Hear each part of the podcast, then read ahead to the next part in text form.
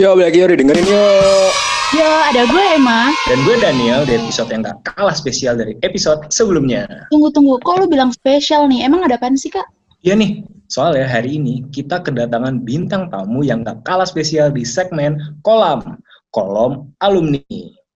Di kolam sekarang kita bakal nyelam lebih dalam tentang kuliah master atau S2. Widih, asik banget tuh. Oh ya, lu kan termasuk semester tua nih ya, Kak? Lu ada nggak sih kepikiran atau nyiapin apa gitu buat persiapan S2 lu? Jujur nih ya, kalau sekarang-sekarang kayak gini, Hmm. lihat kondisi, bawaannya tuh cuma pengen cepet lulus aja gitu. Pengen kerja terus tiba-tiba tajir ya gitu. Iya sih, gue ngerti. Tapi menurut gue nih, Kak, S2 juga nggak kalah penting. Karena siapa tahu kan lu bisa lebih tajir ya nggak? Tapi Hmm. kalau lu masih bingung, tenang aja. Karena kita bakal nyelam lebih dalam di segmen kolam ini. Tentunya bareng para alumni yang udah ngalamin S2 itu sendiri. Oke, gak usah basa-basi lagi nih. Yuk kita kenalan sama narasumber kita. Halo Kak. Halo, aku Astin dari batch 2010. Halo Kak Asti. Halo Kak Astin. Halo, aku Natasha dari IE Batch 2010 juga. Halo Kak Natasha. Halo Kak Natasha. Oke Kak, sebelum kita lanjut ke pertanyaan inti nih, ada nih Kak pertanyaan template nih dari marketing nih.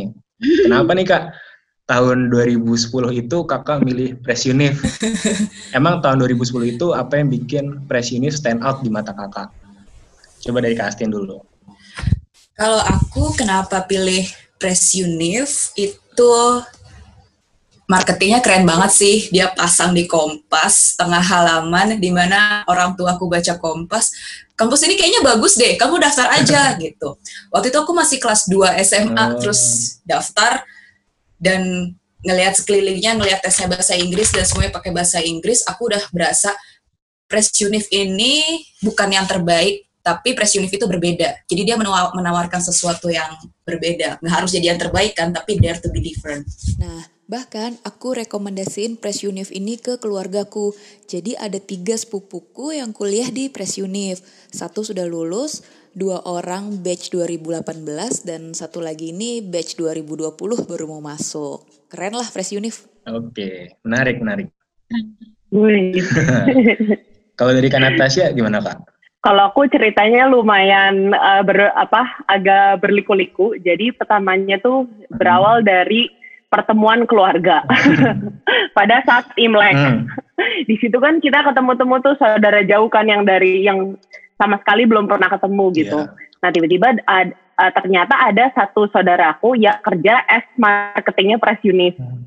Nah di situ ketika pertemuan itu dia eh, ngoceh-ngoceh lah bahwa oh ya ini ada satu eh, kampus ini full English eh, bisa menerima apa eh, eh, bisa offer full scholarship. Hmm. Udah gitu kebetulan waktu itu tuh aku sekolahnya eh, yang eh, programnya internasional gitu. Hmm. Jadi itu aku eh, punyanya ijazah yang namanya O level Oh, kalau kalian pernah dengar O level atau level. Nah kan nggak banyak sekolah, eh nggak banyak university itu mau menerima ijazah itu kan di Indonesia. Mereka kan harus yang uh, lewat UN dan harus maksudnya ujian nasional. Nah pada saat itu si sepupuku ini atau saudaraku ini dia bilang kayak oh tenang aja, eh dia menerima kok ijazah kamu. Terus udah gitu eh, aku disuruh tes, terus ternyata dapat scholarshipnya dan akhirnya ya udah aku masuk gitu dan eh, satu yang paling aku lumayan suka sih karena eh, kita programnya full English kan Hmm. jadi lumayan match sama tipe sekolah aku yang dulu kayak gitu oh, menarik sih. Ya Menarik banget cerita-cerita kakak-kakak ini ya. Terus aku mau lanjut nanya nih kak, setelah lulus S1 waktu itu, kakak-kakak nih kerja dulu atau langsung ngambil S2 nih kak? Mungkin bisa dari kak Natasha dulu? Nah, kalau aku, aku eh, jalanku kayaknya terlalu aneh deh. Jadi setelah S1 itu aku lulus, aku ngambil, eh, jadi kalau kalian pernah tahu yang namanya working holiday visa, nah itu tuh kayak aku pergi ke Australia waktu itu. Jadi aku di sana kerja sambil eh, inilah liburan.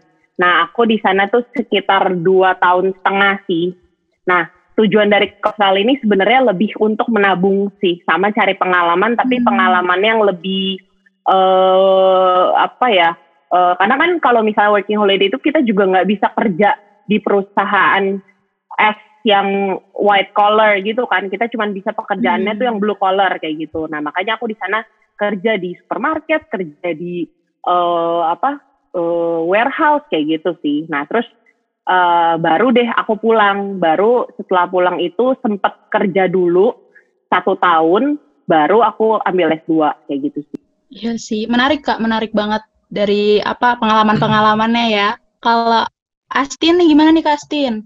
Kalau aku dulu lulus kuliah kerja dulu, jadi memang sih ada niat lanjut S2, cuman baru sekedar niat, belum ada time frame-nya, belum Hmm. ada uh, planningnya bagaimana, itu belum ada. Terus kemudian aku kan pengen banget kerja di pertambangan ya. Waktu Iya. magang itu udah di perusahaan kontraktor pertambangan. Ketika magang itu aku udah merasa cocok dengan perusahaan ini, aku jatuh cinta banget dengan perusahaan ini mulai dari orang-orangnya, mulai dari budayanya dan kayaknya semua yang aku mimpikan itu aku dapat di perusahaan itu selama magang. Dan kebetulan ditawarin juga, udah Tin, nanti selesai skripsi kirim aja lamarannya gitu. Jadi kalau dibilang orang dalam ya bener kita cari orang dalam tapi dari diri kita sendiri kan karena magang. Akhirnya kemudian daftar apply tuh terus setelah wisuda sekitar dua bulan akhirnya keterima. Baru deh setelah kerja tiga tahun aku di Kalimantan itu sambil daftar online untuk cari S2. Hmm. Kira-kira begitu. Oh iya kak. Oh iya kak. Terus apa sih kak yang bikin kakak-kakak ini termotivasi gitu untuk ngambil S2? Kan ada yang udah kerja dulu tuh, udah dapet duit kan, udah enak gitu. Kenapa sih mau lanjut S2 S2 lagi? Dari Kak Astin dulu coba. Kalau motivasi ambil S2, karena kan belajar tuh nggak kenal umur ya, kayak kita pengen tahu lagi, pengen tahu lagi, pengen tahu lagi. Jadi waktu motivasi ambil S2 itu adalah pertama sih pengen ngisi waktu luang supaya kayak ming- weekend hari Minggu itu aku nggak nggak hura-hura doang, nggak nongkrong-nongkrong doang gitu kan. Terus kemudian pengen expanding network gitu, jadi kita kan nggak cukup cuma berdiri di satu lingkaran, kita harus buka jaringan ke tempat lain kalau kita mau maju sama improve kompetensi. Kan kalau kita tahu kompetensi itu ada knowledge, skill, sama attitude. Kalau attitude kan kita pelajarin setiap hari di mana pun ya. Iya. Nah, di tempat kerja yang kita dapatkan itu skill. Hmm. Nah, skill itu akan lebih baik kalau diseimbangkan dengan knowledge juga, di mana knowledge itu kita dapat dari kampus. Jadi, kalau kita kuliah lagi dan kita kerja juga, harapannya adalah ilmu teori kita, ilmu praktek kita itu bisa berjalan selaras, seimbang gitu. Hmm. Berarti kayak eh, dari lebih untuk memperluas network juga ya kak? Iya, memperluas network sama biar diri kitanya tuh seimbang kan kalau orang yang biasanya belajar terus dia Hmm. tahu teori terus di lapangan itu akan berbeda dengan teori yang kita pelajarin. Tapi kalau dia taunya di lapangan terus kerja terus, tapi dia nggak bisa punya teknik yang sebenarnya ini ada di teorinya. Jadi dua-duanya itu harus seimbang. Tuh, gitu. berarti nggak boleh kuat sebelah tuh teori doang. Praktek harus juga Iya betul harus harus seimbang dua-duanya. Iya. Nah kalau dari Kak Natasha gimana kak? Kalau aku kurang lebih sebenarnya sama sih kayak Astin, kayak lebih meningkatkan kompetensi, terus udah gitu kita juga networking. Nah, tapi yang paling eh, aku kenapa motivasinya sebenarnya si self development sih. Terus sama eh, dulu itu ketika aku pas S1 itu kan aku eh, kita tuh punya kan pelajaran supply chain management. Iya.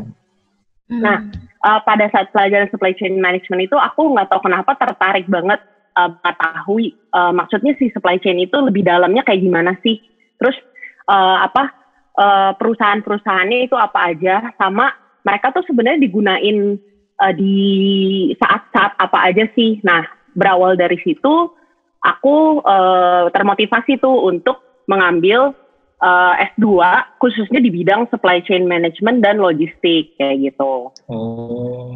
Oh. Oh ya, Mm-mm. Bener-bener ngebuka wawasan kita banget gak sih Kak iya Adif? sih. Lebih kayak ada lah motivasi dikit nih. Akhirnya Akhirnya ada ya. nih, buka dikit. Oh ya kak, kalau boleh tahu eh, kakak-kakak ngambil S2-nya dengan biaya pribadi atau beasiswa nih kak kalau boleh tahu. Terus di mana waktu itu? Dari kak Natasha dulu coba. Kalau aku waktu itu, eh, jadi aku eh, kebetulan dengan biaya sendiri, Jadi uh, hasil dari bekerja aku yang waktu itu tuh di Australia. Jadi aku uh, waktu itu kan di Australia sekitar dua setengah tahun itu aku kayak nabung, kumpulin duit. Hmm. Nah terus aku sempat balik ke Indonesia untuk kerja dulu satu tahun, baru aku ke S, uh, baru S2. Hmm. Nah S2-nya tuh uh, waktu itu aku di uh, Inggris. Hmm di nama universitinya itu University of Hull, hmm. ambilnya um, Master of Science in uh, Logistics and Supply Chain Management. Oh, berarti dari hasil usaha kerja nabung dan lain-lain ya kak? Iya. menarik, menarik. Kalau kak Astin gimana kak? Kalau aku dari beasiswa beasiswa diri sendiri. Benar-benar itu kita sering bilangnya beasiswa diri.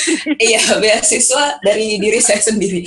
Nah jadi aku dulu memang sama kayak siapa uh, Natasha ya. Jadi itu biaya pribadi. Orang tua aku pernah bilang nih sambil ngobrol biasa sih bilang jangan sampai kamu kerja di tambang tapi nggak pernah ngerasain gajinya orang tambang. Maksudnya tuh suruh hemat gitu tanda kutip ya. Hmm.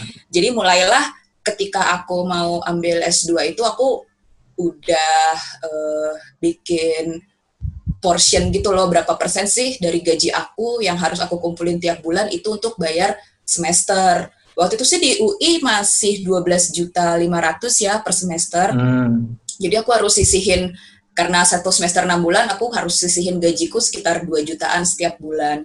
Terus aku kuliah S2 tuh dua kali dengan jurusan yang sama. Jadi yang pertama kuliah di Universitas Sahid itu cuma setengah semester. Itu kayak cuma benar-benar ambisi doang yang pokoknya aku harus kuliah. Akhirnya daftar di Sahid, tes keterima, baru setengah semester aku sambil daftar UI sih paralel. Ternyata di pertengahan jalan UI ku keterima. Jadi aku hmm. mengundurkan diri dari Universitas Sahid kemudian pindah ke Universitas Indonesia. Jurusannya itu uh, keselamatan dan kesehatan kerja. Biar dia tuh nyambung sama pekerjaan yang aku ambil pada saat itu. Oh. Keren keren keren. Nah kan dari pengalaman kakak berdua ini uh, beda ya. Kak Natasha di uh, luar dan Kak Astin tuh di dalam negeri gitu kan. Yeah. Nah, boleh ceritain nggak sih Kak secara singkat pengalaman diterimanya S2 gitu dari mulai tesnya atau sampai orientasinya? Mungkin bisa dari Kastin? Kalau tes waktu itu karena saya kayaknya nggak jodoh sama yang institusi negeri ya. Jadi dari SMP masuk ke SMA nggak pernah keterima negeri. SMA tes kuliah pun nggak pernah keterima negeri. Tapi kayaknya itu nggak jodohnya karena sayanya nggak pernah belajar gitu. Sedangkan masuk tes swasta kan uh, bisa lah gitu. Nah, waktu S2 ini saya nggak mau ngulang kayak gitu lagi, cuma tes-tes doang, bayar biaya pendaftaran, tapi nggak belajar akhirnya pada waktu itu karena saya ditambang saya ke kota itu lima jam. Jadi kalau weekend itu akhirnya ke kota ke Banjarmasin ya beli buku di Gramet dan saya latihan setiap malam paling 10 sampai 30 menit aja sih. Jadi benar-benar latihan soal untuk masuk tes perguruan tinggi negeri itu kayak gimana sih karena saya orang yang nggak suka belajar ya itu saya cuma uh, spend time-nya 10 sampai 30 menit aja buat latihan. Pokoknya latihan terus. Terus tanya teman-teman yang udah pernah kuliah di UI pinjem sama mereka tes simak itu kayak gimana sih? Minjem latihan soalnya dong kayak gitu. Terus browsing cari info sebanyak mungkin baik di web maupun kita telepon. Jadi kalau di web itu nggak jelas atau infonya nggak update, aku biasanya langsung telepon ke bagian administrasinya kampus. Mungkin dong nggak hmm. dijawab, mereka kan butuh mahasiswa kan, mereka pasti akan yeah, jawab. Yeah. Jadi ya itu mulai dari cari informasi, kemudian latihan sesering mungkin ya. Abis itu mulai bicarain sama atasan, udah ngobrol nih saya ada wacana mau kuliah, kalau ada kesempatan mungkin saya akan izin dari kerjaan atau saya minta dimutasi ke Jakarta supaya kerjaan dan kuliah ini tetap jalan dan alhamdulillahnya apa yang kita udah usahakan itu Tuhan pasti kasih jalannya kayak gitu akhirnya keterima. Iya benar gitu. In, inspiratif banget sih Kak Astin. nah kalau Nat Natasha tuh gimana nih? Kan di luar negeri nih, terus gimana uh, mulai dari tesnya atau orientasinya? Oke, okay. Nah, kalau aku, uh, jadi waktu itu aku ceritanya tuh berawal dari, aku tuh kan pulang dari Australia. Nah, hmm. terus pulang dari Australia itu aku sempat kerja di sebuah international education agency yang uh, memang uh, tugasnya itu membantu anak-anak untuk sekolah keluar. gitu. Jadi kayak education agent gitu. Kalau kalian pernah dengar kayak namanya IDP Education atau Sun Education. Nah, aku kerja di kayak gitulah di company itu. Nah, selama aku bekerja itu kan otomatis uh, karena aku di specialize di UK Education, maka aku tahu dong cara daftarnya gimana gitu. Terus juga ketemu tuh sama orang-orang representatifnya. Kalau istilahnya kayak ambasadornya lah. Kalau kita di Presiden University kan ada student ambassador. Nah, Iya. kita ketemulah sama orang-orang kayak gitu. Mereka sering visit ke Indonesia juga. Nah, ketika visit-visit ke Indonesia itu, uh, mereka kan prospekin kan. Oh iya, prospekin anak nih, bla bla bla, lalala. Lah, ternyata kenapa ya? Tiba-tiba aku tuh ter- tertarik gitu untuk sekolah juga. Akhirnya uh, karena aku sebelumnya juga bekerja untuk membantu dan aku akhirnya mau berangkat, akhirnya aku apply sendiri. Dan kalau di uh, luar itu uh, apa kalau uh, especially UK sifat tesnya itu uh, kayaknya ber, sang, uh, sangat berbeda kayak di Indonesia sih. Jadi kalau di UK itu dia lebih uh, ke administratif. Jadi yang kita harus siapkan itu adalah uh, semacam kayak personal statement. Terus udah Hmm. gitu CV.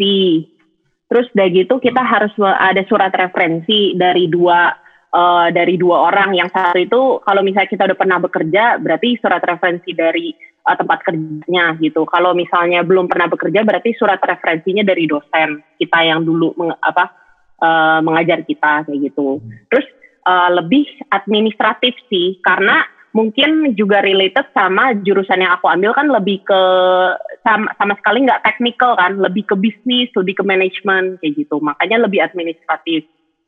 Nah, di situ paling aku harus siap-siapin dokumen aja. Terus udah gitu sama yang sal salah satu yang paling penting adalah tes IELTS sih. Kadang kan kalau mau keluar kan dia harus ada IELTS-nya itu berapa gitu kan eh, minimumnya. Nah, itu aku cuman pantengin aja kayak deadline deadline-nya. Jadi kapan harus dikumpul, terus udah gitu kapan eh, penerimaannya gitu. Nah setelah aku kumpulin semua dokumen-dokumennya dan mendapat jawaban, nah biasanya itu di eh, kalau di luar itu ada dua jawa- jawaban itu diberikan as offer kan. Nah offer itu juga ada dua tipe, ada yang conditional offer atau unconditional offer. Nah, kalau unconditional offer itu artinya dokumen-dokumen yang kita udah submit itu, itu benar-benar udah lengkap, si kampusnya ini udah menerima kita tanpa ada syarat lagi, kayak gitu. Nah, kalau misalnya conditional offer, itu artinya eh, dia sudah menerima nih, tapi masih ada syarat yang harus dipenuhi. Biasanya kenapa sih si orang ini bisa conditional offer, itu biasanya misalnya si orang ini, si anak ini apply eh, S1 langsung ke S2 terus S1-nya belum selesai. Berarti kan ijazah akhirnya tuh belum di belum punya kan. Nah, terus dia eh, apply pakai transkripnya nih yang current gitu. Tapi karena transkripnya misalnya bagus, nah university luar ini anggap oh anak ini sebenarnya track recordnya bagus nih, kita mau terima deh. Tapi terimanya baru bisa eh istilah tanpa syarat kalau dia udah mengumpulkan ijazah yang paling akhirnya. Kayak gitu. Dulu aku pertama kali sih kayak gitu. Jadi eh, dapet lah aku tes IELTS terus kirim dokumen administratif. Akhirnya aku dapat unconditional offernya. Setelah itu karena emang di Inggris kan harus ngurusin visa visa juga. Ya aku ngurusin visa udah gitu. Tes kesehatan baru deh eh, setelah udah dapet visanya aku berangkat Nah, kalau di Inggris itu uh, orientasinya juga uh, nggak kayak kita juga. Jadi dia nggak ada yang something physical yang suruh harus gimana-gimana. Jadi orientasi di UK itu cuman tur kampus doang. Hmm. Terus udah gitu dijelasin. uh, jadi karena aku di logistik and supply chain, aku uh, ketemu sama uh, program directornya. Terus kita uh, sharing-sharing, kasih tahu kayak, oh kamu tuh dari negara mana. Terus dulu kamu punya pengalaman apa aja kayak gitu terus eh apa kayak dia tanya sih ekspektasi kita dari program yang kita mau ambil ini itu apa kayak gitu nah terus kenalan deh sama teman-teman semua yang ngambil program itu kayak gitu sih kalau pengalaman aku yang masuk si S2 di UK-nya Hmm. Menarik juga sih. Panjang juga ya. Panjang juga ya kak prosesnya ya ya. kak. Tapi menarik sih kak. iya Nah, terus kak, kalau waktu itu kakak ngambil S2 itu berdasarkan minat atau emang demand? Soalnya kan kalau misalnya S1 kan rata-rata kita ngambil kuliah berdasarkan minat kita gitu kan. Atau kalau kakak ngambil Ya. S2 itu berdasarkan minat juga atau emang demand dari perusahaannya? Coba dari Kak Natasha gimana Kak? Kalau aku eh, lebih eh, ke dim, eh, bukan dimensi, lebih ke diri aku sendiri. Lebih karena motivasi aku emang oh aku kayaknya mau ambil S2, aku mau belajar lebih banyak kayak gitu sih. Sa- pada saat itu aku belum memikirkan mengenai oh demand di perusahaan eh, ini tuh harus S2 lo, harus gimana lo itu aku belum ada sih gitu. Berarti karena emang lebih pengen memperdalam bidang itu sendiri ya Kak? Iya, betul. Iya, aku sih lebih ke kayak gitu sih. Hmm, kalau Kak Astin gimana Kak? Sebenarnya nggak jauh beda sama Natasha. Jadi memang minat dari diri sendiri ingin memperdalam ilmu yang pada saat itu merupakan pekerjaan aku sehari-hari dan aku merasa akhirnya setelah dijalani aku merasa juga oh ilmu ini nih akan berguna ke depannya walaupun sekarang pada saat aku ambil ilmu K3 ini health uh, occupational health and safety semua orang bilang ngapain lo belajar itu? Nggak kepake ngapain lo di Indonesia? Nggak laku. Itu kan buat mereka. Kalau buat kita yang belajar nggak ada ilmu yang nggak ada gunanya. Pokoknya memang aku berniat untuk Betul. memperdalami ini kalau memang ternyata tidak laku di Indonesia kan nggak menutup kemungkinan untuk aku create sendiri bareng teman-teman aku ataupun uh, orang-orang yang akhirnya telah aku kenal selama di perkuliahan ini gitu.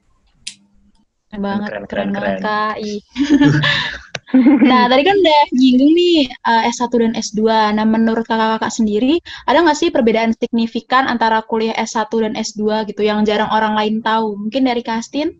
Perbedaan signifikannya kalau yang aku lihat sih berdasarkan pengalaman, nanti mungkin bisa ditambahin sama Natasha ya, itu dari pola pikir kita sama pola komunikasi, itu yang pertama. Jadi kalau misalnya waktu S1 biasanya itu kan kita duduk dengerin eh, dosennya ngajar dan biasanya stick to the theory kayak oh rumusnya kan begini tapi di buku begini kayak gitu.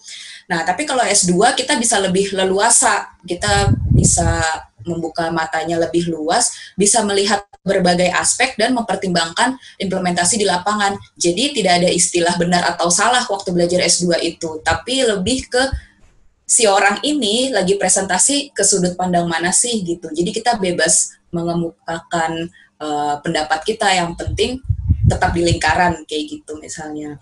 Terus kemudian yang kedua eh, waktu S1 kan eh, kepentingan mahasiswa itu sifatnya kayaknya homogen ya, semua sama-sama bangun pagi, mandi, ke kampus, ngerjain tugas bareng-bareng, paling ya mungkin mau nonton atau mau jalan-jalan atau beberapa teman kita mau cari tambahan uang jajan dengan ngajar anak-anak sekolah di sekitar Press tapi kan itu hanya beberapa yang nggak semuanya gitu.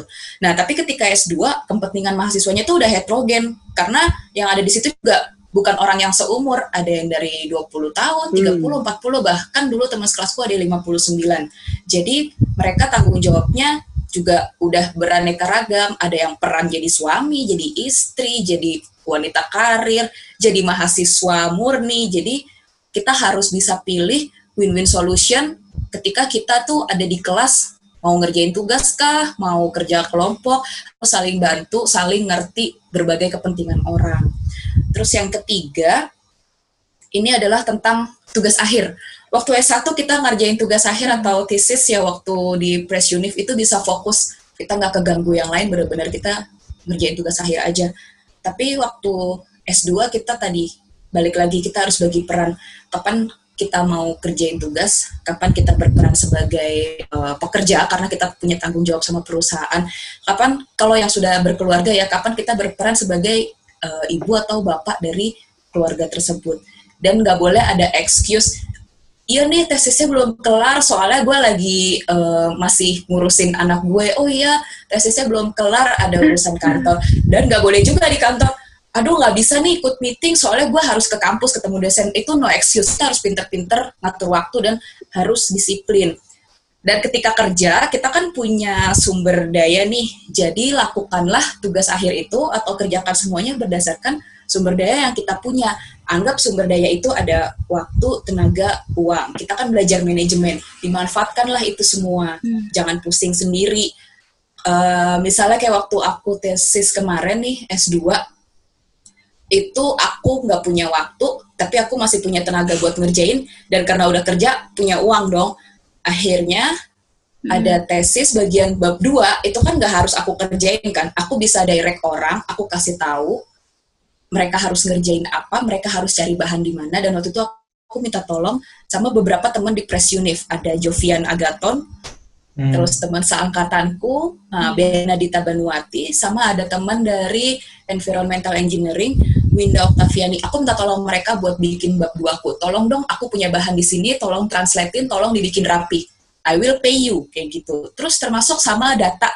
Jadi aku wawancara orang direkam kayak gini. Nah, aku harus buat skripnya nih di transkrip ke kertas. PR banget kan dengerin orang ngomong satu-satu ngetikin. Sedangkan kita harus kerja. Tapi balik lagi, di aku punya uang. Ya dulu aku minta tolong, nanti aku kasih kalian upah karena kalian telah bantuin aku. Jadi nggak usah dibikin pusing, tapi kita cari cara, kita kerjakan sesuai sumber daya yang kita punya. Kira-kira gitu sih waktu S2. Hmm, Hmm. emang eh, buat ngatur waktu tuh penting banget Iya. ya kayak buat S2 kayaknya kalau aku kan cuma ngatur waktu buat kuliah, eh, buat apa namanya organisasi Main. gitu. Terus pas S2 Jangan tuh- lupa main, main Iya, harus main. ada waktu juga. Iya benar-benar. benar. Nah kalau Kak Natasha sendiri gimana nih Kak? Perbedaan signifikan apa nih yang Kakak alamin dari S1 dan S2? Hmm, kalau aku perbedaan signifikannya itu eh, hampir sama tadi yang sama kayak Asin. Jadi dari segi ini sih, dari segi teman-teman atau eh eh, apa orang yang berada di kelas yang sama itu. Jadi benar eh, ketika S2 itu eh, orang tuh semua tujuan hidup-hidupnya tuh udah heterogen, di mana nggak sama. Jadi ada eh, teman sekelasku itu yang udah kerja di company as a director gitu.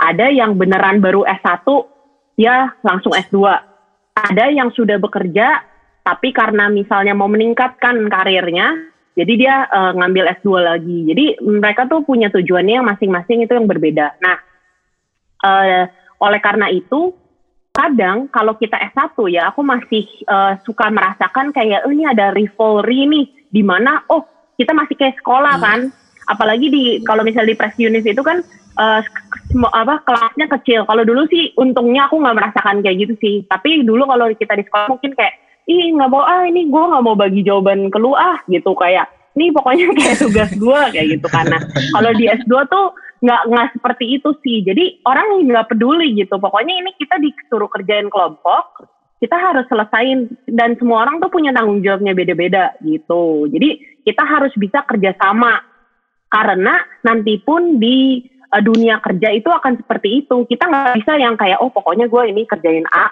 lu kerjain B sana gitu. Kita pokoknya harus punya satu tujuan. Kita mau nyelesain tugas ini. Ya udah kita sama-sama gitu. Nah itulah mindset yang seperti itu kayaknya yang agak harus dirubah nih dari anak S1 ke anak S2 menurutku. Terus sama benar tadi cara kita memandang suatu masalah. Jadi kalau dulu tuh aku suka bingung di kelas ketika S2 ya. Eh kan si lecture-nya ini sangat mau kita tuh speak up.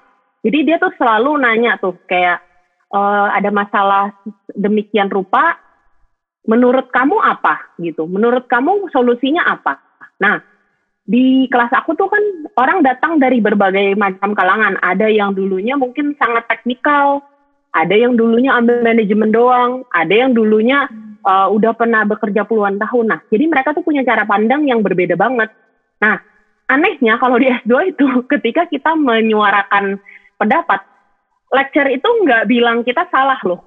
Hmm. Dia nggak pernah bilang kita salah. Terus ketika kita uh, apa mengerjakan tugas, itu juga eh, nggak ada jawaban benar, nggak ada hitam atau putih gitu. Semuanya tuh abu-abu. Semuanya abu-abu asalkan kamu itu bisa em, apa menjustifikasi kenapa sih kamu berpikir seperti itu kayak gitu.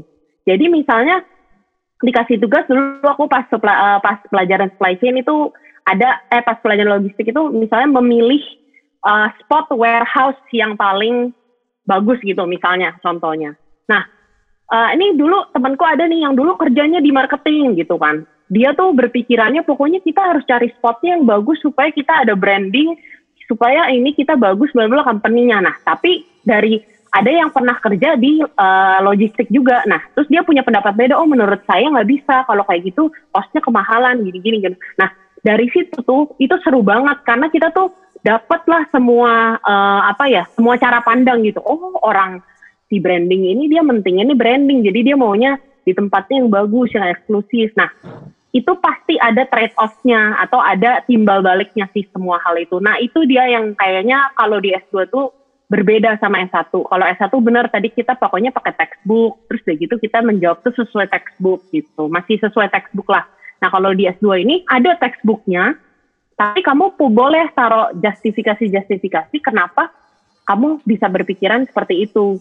Dan uh, asalkan juga bisa di backup dengan jurnal-jurnal atau uh, penelitian-penelitian yang udah orang lakukan yang bisa memang uh, ada impactnya ke pemikiran kamu itu kayak gitu. Kalau aku uh, lumayan ngerasain kayak gitu. Dan uh, karena dulu aku uh, ketika S2 itu memang bukan bekerja yang seperti Astin. Kalau Astin kan dia bekerja profesional gitu kan. Kalau dulu aku tuh S2 ngambil kerja part time. Jadi kalau untuk waktu gitu segala macam sih aku uh, lumayan nggak bermasalah sih gitu. Dan uh, pas tugas akhir pun uh, aku masih bisa, maksudnya lumayan fokus gitu sih. Hmm. Menarik. Jadi ya, tuh kalau S2 itu. tuh uh, belajar buat kita biar mengenal sudut pandang orang lain yang ngasih kak iya betul iya betul kayak aku lebih terga lebih uh, kenanya tuh di cara sudut pandang jadi nggak ada loh yang salah gitu cuman kamu lihatnya dari sisi yang mana gitu hmm. Itu ini nah, sih kan kakak-kakak udah ngalamin sendiri kayak kan? oh ya gimana kak? kayak melatih. Kita namanya kan kita hidup ini kan nggak sendirian ya. Orangnya banyak ya. jadi pikirannya juga banyak. Jadi kita nggak bisa ya, cuma ya, merasa gue doang nih yang benar. Enggak gitu. Tapi semua orang tuh boleh punya pendapat. Jadi kita bisa selama S2 tuh belajar menghargai pendapat orang lain juga gitu. Keren sih. Nah aku udah dengar cerita kakak tadi tuh aku pengen nanya nih kakak kan udah ngalamin sendiri ya gimana rasanya S2 gitu dari uh, belajarnya sampai akhirnya di dunia kerja. Terus menurut kakak pribadi seberapa penting sih kak pendidikan S2 nih? Khususnya buat aku aku buat uh, buat kita kita maksudnya di era-era milenial kayak gini gitu. Gimana? Mungkin dari kak Astin kalau seberapa penting nah aku nggak bisa jawab penting atau tidak penting ya tapi aku di sini kasih pendidikan S2 itu adalah pilihan bukan kewajiban jadi kembali hmm. nanti ke kebutuhan kita masing-masing nanti mau ambil S2 atau enggak kayak gitu yang pasti untuk gambaran kalau kita nanti jadi lulusan S2 ya itu adalah kita punya pola pikir yang lebih mumpuni, kemudian uh, point of view yang lebih luas. Skill pastinya meningkat. Skillnya nggak cuma hard skill ya, tapi soft skill juga meningkat. Terus kita punya kemampuan komunikasi dengan berbagai macam orang tadi. Jadinya kita tuh punya kemampuan problem solving yang lebih baik daripada yang uh, tidak lulusan S2. Sebenarnya itu sih yang kita dapetin kemudian jaringan lebih luas baik ke mahasiswa atau dosennya atau dosen tamu yang merupakan praktisi itu juga bisa memudahkan mencari pekerjaan sih baik pekerjaan yang formal ataupun informal. Terus sama kalau di swasta sih S1 S2 sebenarnya masih sama-sama bisa belajar ya cuman kalau di pemerintahan lulusan S2 itu dapat grade atau golongan dan gaji pokoknya itu lebih tinggi daripada yang lulusan S1. Hanya saja ini saran ketika posisi kita menjadi mahasiswa atau menjadi pembelajar baik masih S1 apa pun ketika masih jadi pembelajar di S2 kita fokus dengan tujuan kita bahwa kita kuliah nih belajar jadi jangan sampai kita der, apa terdistract dengan pendapatan dengan penghasilan atau yang lain-lain pokoknya ketika kita di dalam kelas hmm. posisi kita kan mahasiswa fokuslah untuk belajar dan jalanilah yang ada di saat itu, jalanilah peran kita saat itu. Kalau di S1 ya jalani peran kita saat S1, saat S2 ya jalani peran kita saat S2. Pokoknya dijalankan sesuai perannya masing-masing, jangan kebagi fokusnya uh, dengan yang lain-lain kayak gitu. Nanti kalau nggak fokus ah kayak gue udah kuliah capek-capek ternyata ini nggak bisa nih buat kerja di X ternyata nggak bisa nih buat dapat gaji X padahal yang kita perlu kan ilmunya kan dan kalau ilmu itu udah ada kita udah invest ilmu uang itu akan datang sendiri kok dari mana pun.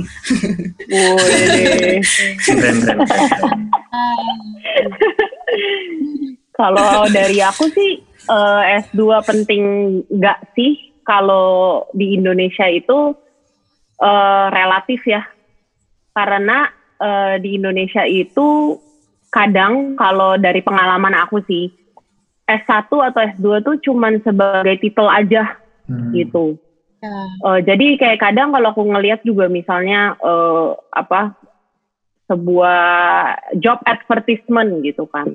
Mereka even putnya eh, sarjana eh apa bachelor or master kayak gitu. Bukan kayak oke master's degree kayak gitu, tapi dia lebih kayak bachelor or master which is berarti kan sebenarnya bachelor atau master itu masih ditempatkan di level yang sama kayak gitu pada kebanyakan perusahaan kayak gitu. Nah, jadi eh, kalau misalnya penting nggak penting itu relatif. Tapi balik lagi sih, yang seperti tadi aku udah bilang, karena S2 itu merubah cara pandang kita, terus udah gitu membuat kita mungkin eh, berpikir lebih kritikal, udah gitu eh, menambah networking kita juga. Maka ketika kita masuk ke company, eh, mungkin startnya akan sama gitu dengan anak S1 mungkin. Nah tapi seiring berjalannya waktu ketika kita ada di company itu mungkin karena kita udah punya mindset yang lebih beda atau communication skill yang lebih beda juga. Nah kita naiknya itu le- bisa lebih cepat kayak gitu sih. Hmm. Itu sih kalau kalau aku lihatnya di situ sih. Jadi kayak kalau di Indonesia itu menurutku relatif penting atau enggak karena ada company yang pokoknya dia nggak peduli gitu. Pokoknya gue maunya lu eh, udah ada sarjana ada, eh, udah ada sarjana aja gitu. Mau lu S2 kayak mau lu S1 kayak nggak apa-apa. Nah eh, dan ketika masuk orang itu bisa membawa perubahan kayak gitu kan.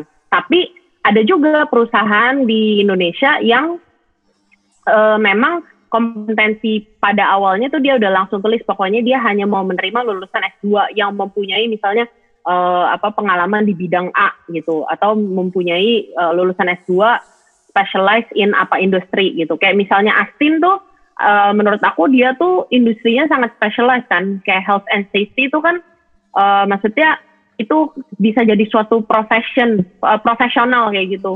Nah itu kadang memang dibutuhkan yang lebih ke eh, master gitu. Jadi lebih relatif sih cenderung si si teman-teman ini mau ngelihatnya dari mana gitu. Penting gak pentingnya lebih relatif kayak gitu. Hmm, gitu.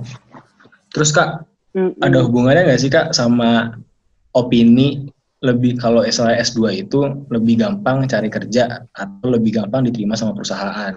Coba dari Kak Natasha dulu. Hmm. Ka- Oh, nah itu kemarin aku sempat pikir juga sih.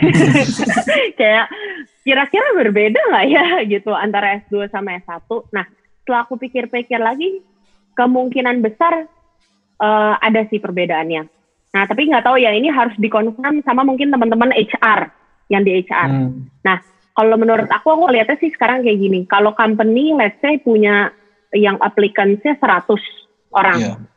Terus dari 100 orang itu ada 5 yang anak S2. Terus 95-nya lagi nih anak S1 kayak gitu kan. Nah, eh, menurut aku eh, si HR-nya ini atau ini dia akan coba dulu. Jadi lima-limanya ini di interview dulu Hmm. gitu. Nah, baru kalau lima-limanya ini di interview oke, dia baru lanjut yang ke anak S1. Aku juga nggak tahu ya, tapi aku ngelihatnya trennya seperti itu. Jadi, oke yang anak S2-nya dipanggil dulu di, di, di, di interview. Jadi, chance untuk dipanggilnya tuh lebih besar Hmm. gitu. Nah, tapi balik lagi, chance dipanggil lebih besar itu kan belum tentu menjamin seseorang itu uh, punya kompetensi atau punya ilmu yang lebih baik juga kan. Iya. Bisa aja ada anak S1 yang memang dia uh, emang dia S1 gitu, tapi dia punya ilmu, dia ikut kursus, dia ikut pelatihan, pelatihan ono, pelatihan ini bisa aja anak S1 ini lebih skilled dari yang anak S2. Tapi kalau ditanya berpengaruh nggak sih dalam ketika mencari kerja? Aku sih lumayan berpengaruh sih ketika aku pulang S2 itu. Kayak aku apply A, dipanggil gitu. Hmm. Apply ke B dipanggil, apply ke C dipanggil. Tapi walaupun maksudnya nggak semua ya dapat ya pekerjaannya, tapi kayaknya chance dipanggilnya tuh jadi lebih gede kayak gitu. Aku nggak tahu sih kalau Astin uh, gimana uh, ininya merasakannya. Hmm, berarti lebih kayak stand out gitu ya kak untuk dipanggil ya. Tapi untuk diterimanya baik lagi ke pribadi Iya. masing-masing gitu kan. Betul, yes. Uh, aku sih super merasakannya kayak gitu. Hmm, kalau Kak Astin gimana kak? Kalau aku, aku ada dua ini nih, dua tipe. Jadi karena waktu lulus S2 aku tidak melamar ke mana pun, jadi nggak tahu ya. Jadi, jadi waktu ngelamar ini, Dilamar, Tin, dilamar. maunya dilamar. jadi eh, aku ngelamar kerja kan pakai ijazah S1. Jadi waktu aku kerja di perusahaan swasta, mau S1 atau S2 itu tidak terlalu berpengaruh. Secara administrasi di perusahaan itu tidak berpengaruh ya. Walaupun sebenarnya S1 itu nggak menutup kemungkinan untuk ambil S2 sambil kerja, itu boleh-boleh aja.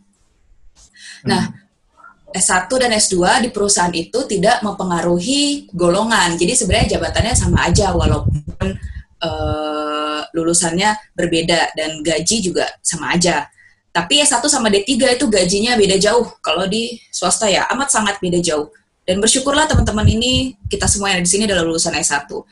Nah, jadi kalau di perusahaan itu justru yang membedakan eh, seseorang bisa lebih dari teman sejawatnya itu lebih ke soft skill. Itu sih yang aku rasain selama bekerja di swasta ya. Karena kalau kompetensi hard skill sebenarnya bisa dipelajari di mana pun dan dengan siapa pun. Kalau orang pinter atau atasan kita pinter itu pasti mau ngajarin. Kalau orang yang nggak mau ngajarin berarti dia nggak pinter karena dia takut kehilangan ilmu. Padahal kalau ngajar ilmunya tuh pasti nambah. Jadi kalau ada temen nih yang kira-kira pelit sama kalian ya bersyukurlah mungkin kalian lebih pinter karena dia takut tersaingi kan Iya orang pinter tuh pasti mau ngajarin. Oh, iya.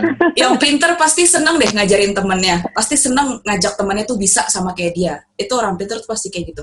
Tadi di perusahaan swasta. Nah kemudian sekarang kan aku kerja di instansi pemerintah. Kalau di instansi pemerintah itu lulusan S2 bisa menjadi pertimbangan untuk promosi lebih dulu daripada yang S1. Karena di pemerintahan ini lulusan S1 dengan S2 itu mempengaruhi golongan. Jadi kayak aku masuk ke Kementerian Perindustrian ini kan pakai ijazah S1, aku grade-nya tuh grade 7. Kemudian temenku yang udah S2 daftar ke Kementerian Perindustrian, dia dapat grade 9 atau golongan 9. Di mana kedua golo, tingkat golongan yang berbeda ini mempengaruhi gaji pokok dan uh, tunjangan kinerja kita seperti itu. Dan untuk promosi jabatan juga berpengaruh. Tapi balik lagi itu hanya pertimbangan. Nanti yang tetap dibutuhkan juga untuk promosi jabatan selain lulusan akademis ya baik S1 maupun S2 itu adalah soft skill. Orang biasanya nggak mau ah dia lulusan S2 dia pinter loh eh tapi dia galak sama bawahannya jangan dia dulu deh yang dinaikin ini aja temennya nih dia bisa loh koordinasi sama orang dengan baik kayak gitu jadi Hmm. jangan lupa yang kita butuhkan tidak hanya lulusan atau ijazah akademis kita tapi soft skill itu juga penting banget Hmm, soft skill dan attitude juga ya kayak. Benar, aku setuju, Iya setuju. betul. Karena tadi kayak misalnya yang Natasha bilang ada lima lulusan S2 terus kemudian dipanggil interview nih. Pasti si HR akan cari masih yang kira-kira orang ini bisa bekerja sama dan mau membangun company gitu. Kalau dia cuma pinter untuk dirinya kan HR rugi dong gue bayar gaji orang tapi dia nggak bisa bantu perusahaan ini untuk apa kayak gitu. Oh terus mungkin boleh ya sedikit bocoran di sebuah perusahaan karena temanku ada yang suka urusin eh, apa job application kayak gitu. Jadi nanti teman-teman waktu buat CV ini sedikit cerita, tapi ini hanya satu case ya, mungkin bisa cari sumber dari HR lain. Jadi temanku ini waktu dia terima banyak lamaran, dia pakai anak magang dulu buat soft, buat apa sortir. Anak magang itu SMK loh. Jadi dia minta tolong si anak magang, eh kampusnya nggak usah lo liatin dulu ya, yang IP tinggi singkirin, dia bilang kayak gitu. Yang dia pernah ikut organisasi, yang dia pernah ikut abang none, yang dia bisa ini itu, coba lo pisahin juga. Jadi yang nilai tinggi dengan orang yang sering berorganisasi itu udah dipisahin. Dan yang dilihat dulu ah, sebagai rekomendasi ternyata itu orang yang dia udah pernah magang mungkin, dia pernah organisasi, tadi dia pernah ikut lomba Abang None atau ikut lomba apa, itu yang dibaca duluan. Baru nanti yang disortir berikutnya adalah yang IP-nya tinggi. Itu sih waktu itu ngeliatin kerjaan temenku kayak gitu, aku langsung, oh ternyata kalau si gue nggak menarik, kesortirnya tuh cuma sama anak magang yang terus ya udah goodbye gitu. Karena kan banyak banget lamaran masuk, itu nggak mungkin dibaca satu-satu temenku tuh cuma gitu. Uh, yang jadi dia nggak peduli dari kampus mana cuman ya itu tadi. Yang dia cantumin IP dan IP-nya tinggi singkirin dulu. Yang dia pernah organisasi atau punya pengalaman dipisahin untuk dibaca duluan kayak gitu. Hmm. Habis ini Puma yang daftar langsung begitu nih. Habis dengerin podcast ini. Antri habis ini kak. Itu satu case ya, hanya satu case. Nanti dicari di sumber yeah. HR yang lain. Kalau di Twitter tuh HRD baca. Guys, ikut Puma guys. Iya iya iya, tahu tahu kak. Tapi aku, uh, tapi aku lumayan ngerasain deh. Lumayan ngerasain sih pas interview mm -hmm. itu. Pas aku interview kerja, uh, dia selain menanyakan tentang uh, apa, kerja uh, pengalaman kerja aku yang dulu, tapi lebih dicecernya sih soal kayak soal organisasi sih. Hmm. Jadi kayak dia nanya si uh, HR ini nanya kamu organisasinya apa? Ngapain? jadi, jadi apa? Jadi apa tugas ya? Kamu, uh, yeah. tugas kamu ngapain gitu? Terus kamu udah berhasil ngapain di organisasi itu? Dia lebih ke cecernya itu sih, gitu. Hmm. Jadi mungkin benar itu yang tadi uh, Astin beberin case-nya. Bisa jadi. Shock liat temenku kayak gitu nyuruh anak magang. Oh my God.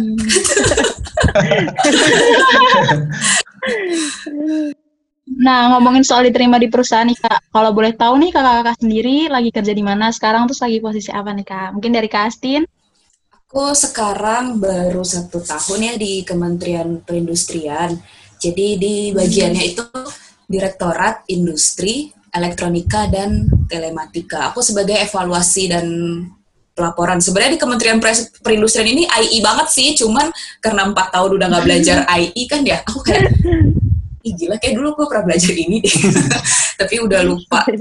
Terus uh, bagianku evaluasi dan pelaporan itu jadi uh, kita kan kalau kerja harus pakai target kan, Hmm. Ada KPI-nya, yeah. kalau enggak kita nggak jelas ngerjain apa. Nah, akulah yang mengevaluasi ketercapaian target itu, kayak gitu.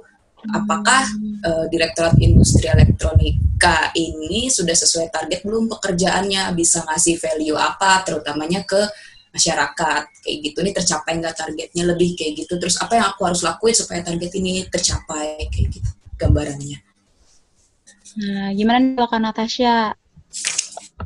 Uh, kalau aku sekarang kerja di as uh, ini proses improvement di uh, salah satu financial technology di Indonesia, uh, company di Indonesia namanya kalau kalian pernah dengar Home Credit hmm. Indonesia.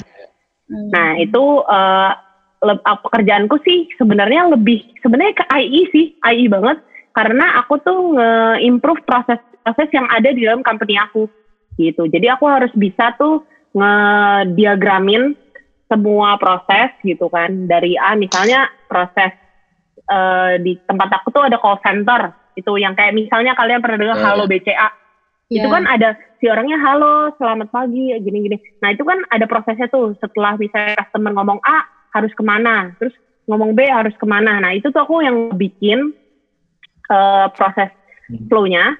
Nah hmm. terus aku juga harus improve gitu. Kira-kira oh sebenarnya kalau si customer ini uh, bisa langsung di solve masalahnya kenapa kita harus eskalasi ke banyak departemen ya kayak gitu. Itu aku ngelihat dari situ sama uh, bikin automation sih.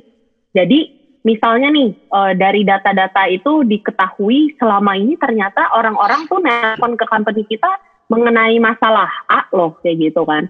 Nah itu aku misalnya aku pikirin oh kalau gitu bayar bayar uh, tenaga kerja itu kan sus, uh, mahal ya, lebih mahal gitu. Jadi aku bikin sistem penelponan tuh yang pencet satu untuk berbicara dengan bla bla bla, pencet dua untuk mengetahui. Nah itu kayak auto lebih bikin automation, lebih kayak gitu-gitu. Dan kebanyakan yang pakai IE sih, jadi harus ngelihat dari Kaizen, terus harus pakai DMAIC kayak gitu. Pokoknya lebih nge-improve nge-improve gitulah.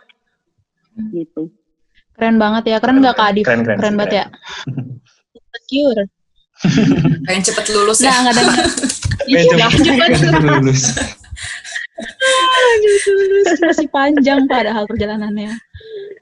Nah, nggak dengar jawaban kakak barusan nih, aku jadi pengen nanya. Benar nggak sih kak lulusan S2 tuh posisinya apa ya, automatically gitu, lebih tinggi daripada yang lulusan S1?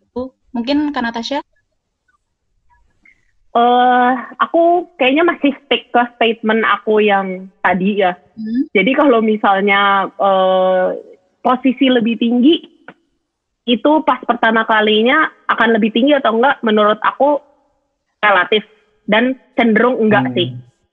Nah, Hmm. tapi ketika kita udah kerja, nah itu kita bisa lebih progresnya itu lebih cepat sih. Hmm. Kayak tadi si eh, misalnya Astin bilangin kan, jadi kayak kalau di perusahaan kalau di kementerian itu yang misalnya S2 tuh punya grade yang lebih eh, dibedain kayak gitu. Nah, itu memang di company-company itu ada si policy seperti itu. Jadi, oke dia lebih pentingin yang maju itu adalah yang mempunyai degree lebih tinggi kayak gitu. Tapi kalau ditanya balik lagi, eh, akan automatically lebih tinggi enggak? Menurutku pengalaman aku sendiri enggak sih. Gitu. Hmm. Oke, kalau Kak Astin gimana nih Kak Astin? Sama nggak sama Kak Natasha? Punya pendapat beda nih? Hmm, sebenarnya mirip juga sih. Jadi bisa, tapi it cannot guarantee kayak gitu loh. Bisa, cuman tidak tidak 100% semua akan lebih cepat atau posisinya lebih tinggi enggak. Depends on who uh, how we develop ourselves aja. Tidak menjamin ya Kak ya? Iya, bisa tapi tidak dijamin. Baik lagi. Takutnya ntar jadi PHP kan. Iya, gue S2, eh ternyata ah gue udah S2 gini-gini aja dia S1 udah jadi bos. Jangan, jangan. jangan pernah menyesal belajar. jangan ya, jangan, jangan, jangan kayak gitu, jangan kayak gitu. Menurut aku, pokoknya S2 tuh jangan pernah dianggap sebagai, oh pokoknya gue mau dapet jabatan tinggi, gue harus S2. Jangan kayak gitu sih. Lebih ke apa ilmu yang aku bisa dapet, ap- itu menguntungkan aku dalam hal apa kayak gitu. Jangan pokoknya aku pokoknya mau jabatan tinggi, berarti aku harus S2. Itu nanti jadinya kecewa sih Iya. kalau kayak gitu. Semangat belajar. Bisa jadi. Semangat ha-ha. belajarnya tuh lebih ke Iya. kalau kita punya banyak ilmu berarti kita bisa berbagi lebih banyak, bermanfaat lebih banyak. Udah itu aja. Hmm. Berarti kayak lebih ke Hmm. soft skill dan lain-lainnya ya kak, yang mempengaruhi itu. Mau nanya nih, dari, dari tadi kan kita nyinggung masalah soft skill, hard skill dan lain-lain tuh. Ada nggak sih kak skill yang S2 punya dan dibutuhin company yang kita sebagai S1 itu nggak punya atau nggak dapetin? Coba dari Kak Astin dulu gimana kak? eh kalau soft skill memang akan lebih banyak di S2, misalnya tadi komunikasi, problem solving, presentasi, terus leadership. Leadership itu tidak hanya bisa memimpin ya, tapi juga rela dipimpin gitu. Hmm. Jadi kalau pas kita nggak jadi leader, kita bisa memposisikan kita sebagai member yang mensupport leader gitu. Hmm. Bukan bukan menjadi dua leader bukan ya, tapi jadi member yang bisa support leadernya. Terus sama responsibility itu penting banget sih. Kemudian kalau komunikasi mungkin ya yang di S1 belum dapat, bukan nggak dapat ya, tapi belum dapat, tapi di S2 dapat itu bagaimana kita kirim email, bagaimana kita kirim WhatsApp, itu semua kan ada etikanya ya. Kemudian bagaimana kita bicara sama orang lain, jangan kalau kita kirim email cuma tiba-tiba hai atau siapa yang terhormat atau bapak atau ibu siapa utarakan kemauan kita yang sopan lah intinya gitu. Atau ketika berbicara sama eh, orang lain, terutama nanti misalnya di tempat kerja atau dengan siapa pun, jangan sembarangan hai rekan-rekan. Nah, Hmm. yang ada di situ kan audiens kita bukan rekan kita kan, bahkan ada yang jabatannya lebih tinggi. Jadi lebih baik bapak ibu yang terhormat karena kita nggak kenal kan Hmm. kayak gitu jangan tiba-tiba iya tolong ya rekan-rekan gitu siapa rekan lu itu bos lu jangan bilang rekan-rekan itu sering banget soalnya aku nemuin kayak gitu jadi semua dianggap rekan kalau rekan kan selevel sedangkan yang kita lawan bicara kita itu bisa jadi lebih tinggi levelnya S1 ya gitu sih kalau S1 S2 nya S2 tuh lebih banyak ke soft skill ya gitu Hmm. Kalau dari Kak Natasha gimana kak? sama persis sih. Jadi aku merasa juga yang bisa me, yang bisa me, jadi oke eh, te- hard skill is good, tapi yang bisa memberi lebih itu soft skill. Jadi dua orang bisa mempunyai hard skill yang sama, tapi bagaimana kalau dia dia nggak bisa soft skill itu yang agak susah karena eh, for- eh, kayak contohnya di company aku gitu.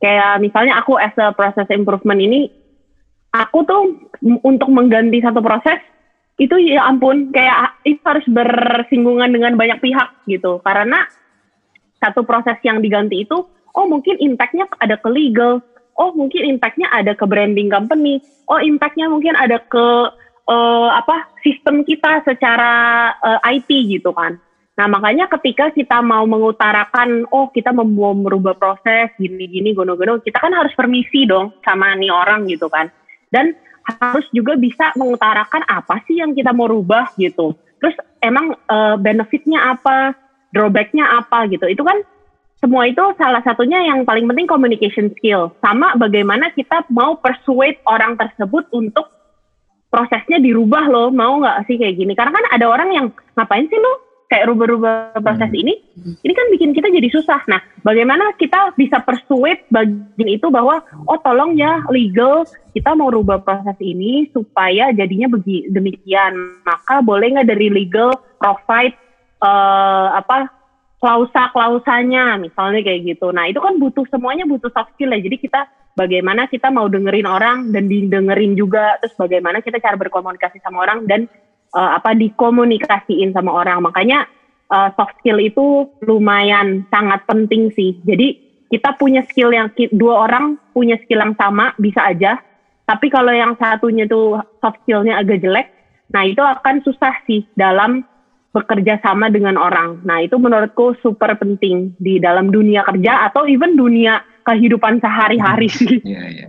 Sama kayak misalnya misalnya teman-teman nih si uh, Adif sama Jo ada anak SMA mau masuk presiden nanya-nanya tentang AI tiba-tiba cuma kak kakak di presiden ya? Susah nggak sih masuk presiden? Kita pasti kesel dong siapa nih orang? Pasti pasti akan lebih seneng. Kak maaf saya lihat kakak kuliah di presiden. Misalnya saya Astin dari SMA 2 Bekasi, boleh tanya-tanya sebentar kak, kan lebih enak ketimbang kak kakak di presiden ya, susah gak sih masuk sana? Ya, who do you think you are gitu. Iya iya. iya.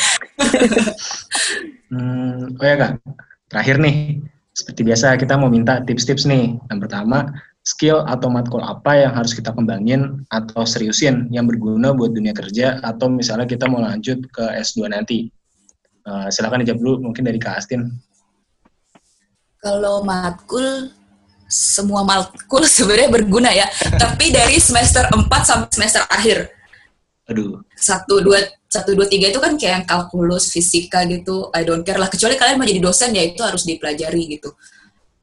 Terus selam, uh, semester 4 sampai 10 itu yang uh, sebenarnya kepake di dunia kerja hampir semuanya, tergantung pekerjaan yang kita ambil.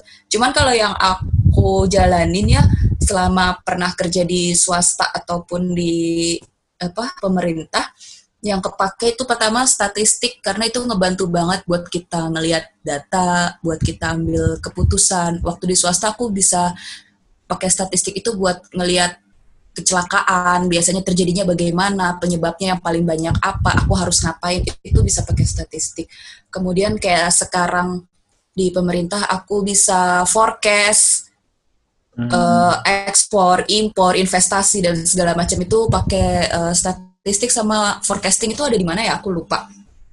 Terus ada lagi multivariate analysis. Hmm itu juga kepake banget karena setiap bikin penelitian kalian mau olah data bisa pakai ilmu ini ada softwarenya. Jangan ngitung manual ya. Nah itu itu juga. Jadi multivariate analysis ini sebenarnya kayak pelajaran statistik yang dimodernkan gitu loh. Jadi hmm. lebih mudah gitu.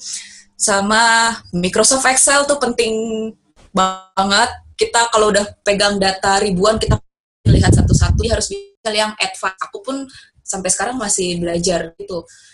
Terus desain juga penting. Sama bang SCM pakai supply chain management ya karena ada warehouse juga. Terus kita bisa hitung bagaimana dump truck ini uh, bekerjanya optimal gitu. Terus operation research simulation modeling itu kepake. Sama kalau untuk yang umum marketing sama manajemen itu kepake. Hmm. satu lagi uh, nanti kalau kalian udah kerja dan uangnya udah banyak nggak tahu mau diapain kalian butuh ilmu accounting untuk menempatkan uang-uang kalian ini harusnya ada di mana. Kalian mau beli rumah, kalian mau kredit motor, kalian mau kredit mobil, yang untung atau buntung itu bisa pakai accounting. Hmm, iya, iya. Kayak gitu. Itu lebih kayak Terus sih kalau yang hard skillnya ya. hmm, kalau soft skill kak Kalau soft skill yang tadi sih semua yang Komunikasi communication gitu gimana juga. ngobrol sama orang, iya, problem solving, presentasi, Hmm. leadership, terus tanggung jawab, gimana cara kita jadi orang yang bisa dipercaya gitu dan bisa bermanfaat buat orang lain. Kalau dari kak Sih. Natasha gimana kak? Kalau aku yang matkulnya eh, yang lumayan aku berguna sih op- operation Hmm. research.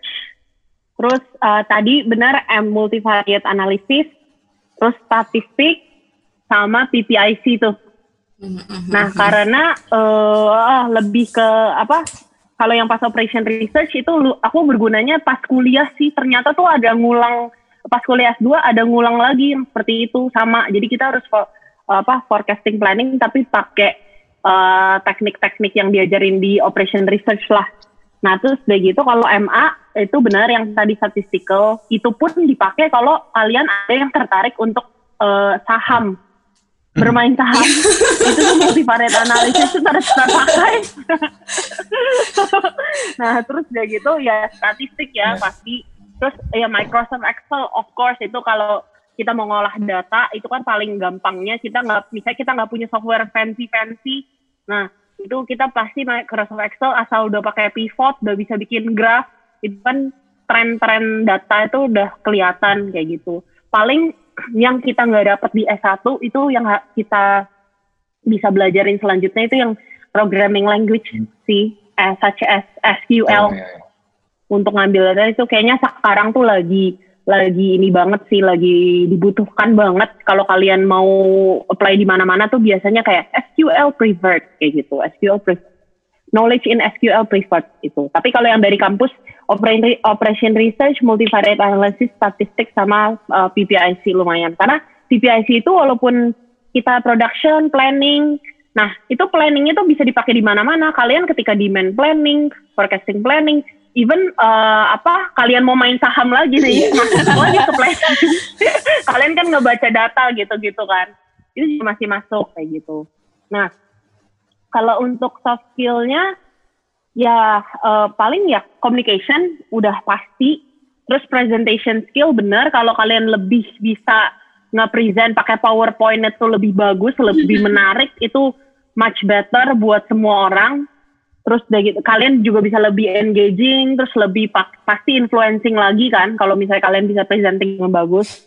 Terus uh, leadership terus sama ya trustworthy gitu uh, respo- uh, responsible harus tanggung jawab harus bisa dipercaya kayak gitu sih. Sama yang tadi jadi selain di, mau di selain mau memimpin harus bisa dipimpin juga. Karena hidup itu nggak selalu kita memimpin gitu kadang kita dipimpin dan ketika kita dipimpin itu kita harus rendah hati mau dengerin orang dan mau terima advice orang kayak gitu Hmm, menarik, menarik.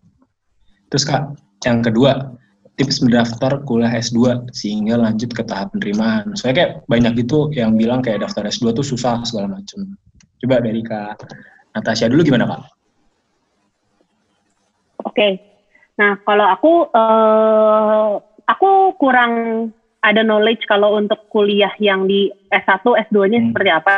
Eh, S1, S2. Maksudnya di Indonesia S2-nya Hmm. seperti apa gitu. Nah, tapi kalau misalnya yang di luar itu yang paling penting sih eh, kalian eh, baca aja sih. Jadi kalau di luar negeri itu kan eh, website-websitenya tuh lumayan jelas, udah dijabarin apa-apa aja gitu yang dibutuhkan dari dokumennya, dari segi dokumen, dari segi administratif yang harus dibutuhkan yang apa kayak gitu. Nah pentingnya sih paling kal- selalu pantengin website-website tersebut, cari tahu dan ketika bikin personal statement itu eh, harus benar-benar eh, jangan tuh jangan salah-salahan gitu. Di personal statement itu kan ditulisnya kayak kenapa sih kalian tertarik untuk ngambil bidang ini? Kenapa kalian mau belajar ini? Nanti future plan kalian ketika setelah S2 ini itu apa? Nah, kadang personal statement itu sangat penting bagi university untuk ngeliat sebenarnya nih anak fit nggak sih di university kita kayak gitu atau eh, program yang kita tawarkan ini fit nggak ya untuk me- apa menjawab personal statementnya dia, menjawab ekspektasinya dia. Kadang kayak gitu sih itu personal statement. Nah terus uh, paling CV ya CV standar. Udah itu kalau di kalau misalnya mau kuliah keluar pasti yang harus dipersiapkan kan tes IELTS atau tes TOEFL tergantung dari negaranya.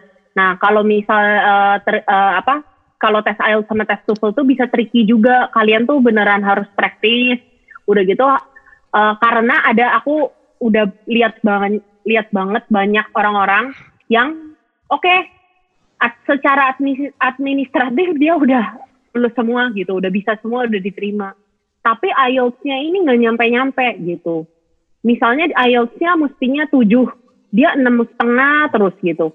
Nah, akhirnya uh, pada masanya ketika dia harus berangkat, IELTS-nya dia udah tes berkali-kali atau dia tadinya menyampingkan atau menyepelekan udahlah nanti IELTS bisa lah gini gini ini akhirnya ada loh yang nggak jadi berangkat gara-gara IELTS-nya nggak nyampe kayak gitu. Jadi menurut aku uh, tipsnya adalah kalau mau mendaftar S2 pertama uh, cari tahu dulu uh, apa sih yang kamu mau ambil jurusannya nah terus kalau aku approach-nya tuh rada beda. Kan ada orang yang pokoknya gue maunya di university A gitu. Mau apa pun jurusannya kayak gue mau ya di university A supaya terlihat bergengsi gitu kan. Kalau menurut itu mindset mindset itu menurut aku uh, aku sih nggak kayak gitu. Jadi kalau aku lebih ke oke okay, aku mau belajar apa dulu? Nah dari course yang itu bagusnya di university yang mana di university itu aku research dulu oke okay, dari tempat tinggal dari dari dari culture-nya dari facility-nya dari semuanya itu aku nggak sama aku barulah aku mendaftar ke university ke university tersebut. Nah, universitinya cara mendaftarnya gimana? Aku ngeliatin, dipantengin di website-website kayak gitu kan. Ini caranya pendaftaran gimana? Atau kalau misalnya mau dapat info lebih lanjut, itu bisa ke uh, education agency yang uh, ada ya di Indonesia dan mereka itu setahu aku jasanya free kok. Jadi kita mau tanya-tanya dulu, mau apa-apa, mau tanya ini gimana, bla bla bla, course-nya, even mau ketemu sama student ambassador yang dari sana, itu sangat possible gitu. Jadi yang penting kita jangan uh, malu-malu untuk cari informasi sih. Paling kayak hmm. gitu sih. Nah, terus setelah udah apa, udah baca-baca, dipersiapkan dokumennya yang yang uh, apa serius mungkin.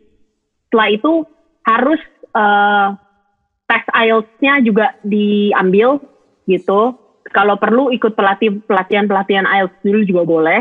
Nah setelah itu uh, baru deh kita mendaftar di tanggal-tanggal yang sudah ditentukan sama universitinya kayak gitu.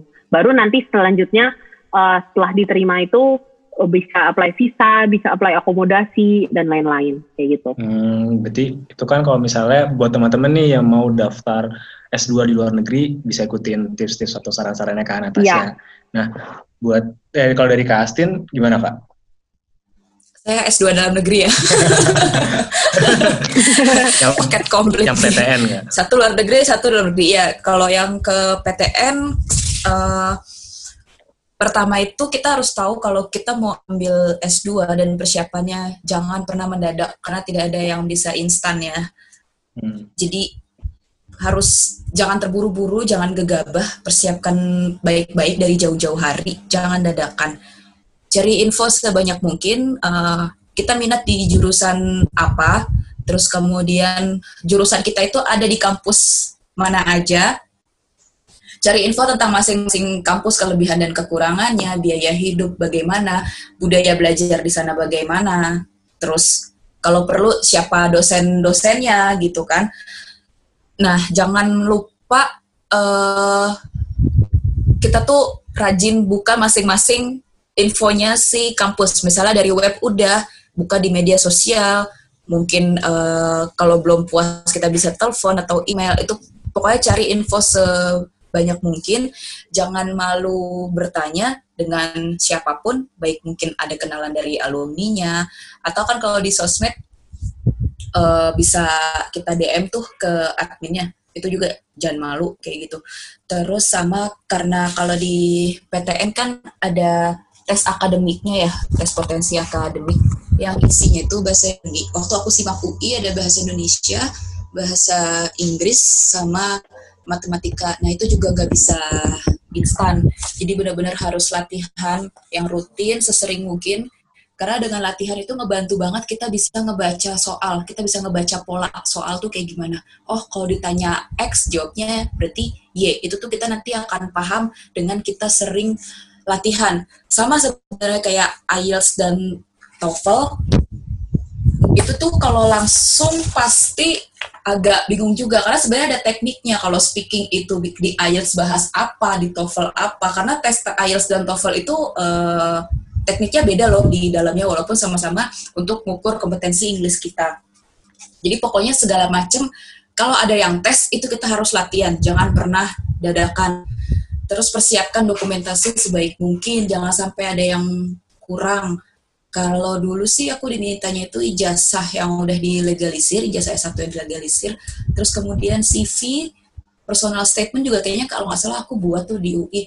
Dan itu persiapkan semua sebaik mungkin, bikin rangkap 5 atau 10, jangan cuma punya satu. Karena kalau diminta satu, nanti kita nggak punya backupnya kan. Waktu itu sempat datang ke UI untuk verifikasi dokumen-dokumen itu. Jadi harus siap, jangan sampai ada yang kurang. Terus, udah sih sementara itu aja. Jangan, ah jangan lupa lakukan yang terbaik dan berdoa. Jadi apa pun hasilnya, apa pun hasilnya itu berarti yang Tuhan kasih itu adalah yang terbaik. Kalau kita nggak lolos, berarti itu memang yang terbaik dari Tuhan. Mungkin kita suruh yang lain dulu. Tapi kalau kita lolos, ya itu Tuhan kasih yang terbaik. Pokoknya apa pun hasilnya, kalau kita udah percaya dan berdoa, berarti itulah terbaik dari Tuhan, bukan maunya kita. Gitu. Mantap, mantap, mantap. nah, itu dia opini dari senior-senior kita atau alumni kita tentang S2 itu sendiri. Semoga dengerin hari ini bisa diambil positifnya dari topik yang kita bahas hari ini. Terus Kak, kita dari pengunjung acara nih. Setiap pengunjung acara itu, bintang tamu itu ada sesi salam-salam. Ada nggak nih Kak salam-salam yang mau disampaikan gitu? Jadi Kak Natasha mungkin? Uh, salam-salam ya. Salam-salamnya bo boleh buat aja, siapa aja? Wah, buat siapa, Mei? Salam-salamnya buat apa ya? Paling semua teman-teman adik-adik yang lagi belajar hmm. sekarang uh, yang dengerin podcast ini terutama anak-anak AI semuanya tetap semangat uh, apa karena jangan eh, apa gimana sih tetap semangat pokoknya AI itu kalian tuh seperti oh kalau dulu si uh, dosen aku tuh pernah uh, pernah ngobrol sama aku dan dia bilang gini oh kamu dulu apa? Uh, ambil S1-nya sih bang ambil S1 AI gitu. Oh oh my god you are like a potato kata dia. Kamu tuh kayak kentang gitu. Hah terus aku bilang maksudnya apa ya? gitu. Kata dia iya kentang itu sangat versatile. Dia bisa ditaruh di dalam sayuran kari bisa ditaruh di dalam sayuran sop bisa ditaruh di goreng eh bisa digoreng bisa diapain bisa dona nah jadi kalian tuh sebenarnya beruntung karena kalian tuh versatile jadi kalian mau ditempatin di mana pun pasti kalian bisa kayak gitu nah Terus udah gitu, ini kok jadi speech motivasi ya. nah, terus apa, paling titip-titip salamnya buat anak-anak IE 2010 yang ngedengerin, halo. terus udah sih, paling buat dosen-dosen semuanya yang dulu pernah ngajarin aku, Miss Anastasia, hmm. terus siapa lagi ya, aku udah gak tahu lagi sih. Terus Johan May, the legend. Uh, Johan tapi kan udah masih ngaji masih kan ya? Masih kan? Masih ngajar. Oh masih ngajar. Masih ngajar iya. Wow, masih. amazing. Oh, oh hai Sir Johan. ya, itu aja udah dari aku. Thank you. Kalau dari Kak Astin, gimana Kak? Salam-salamnya. Uh, Salam-salamnya buat teman-teman IE 2010. Halo, semoga pandemi berakhir kita bisa ngumpul lagi. Nunggu undangan siapa nggak ya? Nggak tahu. Terus buat Mem Anas, penguji aku nih waktu aku tesis, kemudian Sir Johan yang mengubah hidupku dan mindsetku selama jadi mahasiswa S1, thank you banget Sir, gitu. I'm here because of you juga. Sama buat semua teman-teman IE yang sekarang masih kuliah, baik semester awal maupun akhir, jalanin aja peran kalian sebagai mahasiswa S1 saat ini. Jadi fokus di situ, nggak usah kepikiran yang lain-lain dulu. Pokoknya fokus jalanin peran kalian. Nanti kalian akan dapat yang terbaik. Jadi bertindaklah sesuai waktu kalian saat ini tuh sebagai apa Oke, sukses semuanya pokoknya. Wih, jadi itu dia guys, salam-salam dari gestar kita. Makasih banget nih buat waktu sama ilmunya, Kak Astin, Kak Natasha. Semoga sukses terus, Kak, ya. Nanti kita bisa ngobrol-ngobrol lagi, kita undang lagi, kedengerin Thank ya. you. Jangan kapok, Kak. Thank, you for having thank us. you. Sukses terus podcastnya. Keren loh kalian punya waktu Ya. bikin ini di tengah-tengah kesibukan kuliah. Iya, terima kasih, Kak. Iya. Nah guys, semoga episode kali ini bisa ngebantu kalian ya yang masih bingung habis kuliah satu nanti mau kerja dulu atau langsung ambil S2. Dan semoga episode kali ini bisa menghibur sobat dengerin di mana pun kalian berada. Oh ya nih buat adik-adik kita, sobat-sobat dengerin 2020, juga kita tunggu kedatangannya. Pokoknya, stay tune terus di podcast kita and see you on the next episode of Dengerin. Yay! Bye, bye.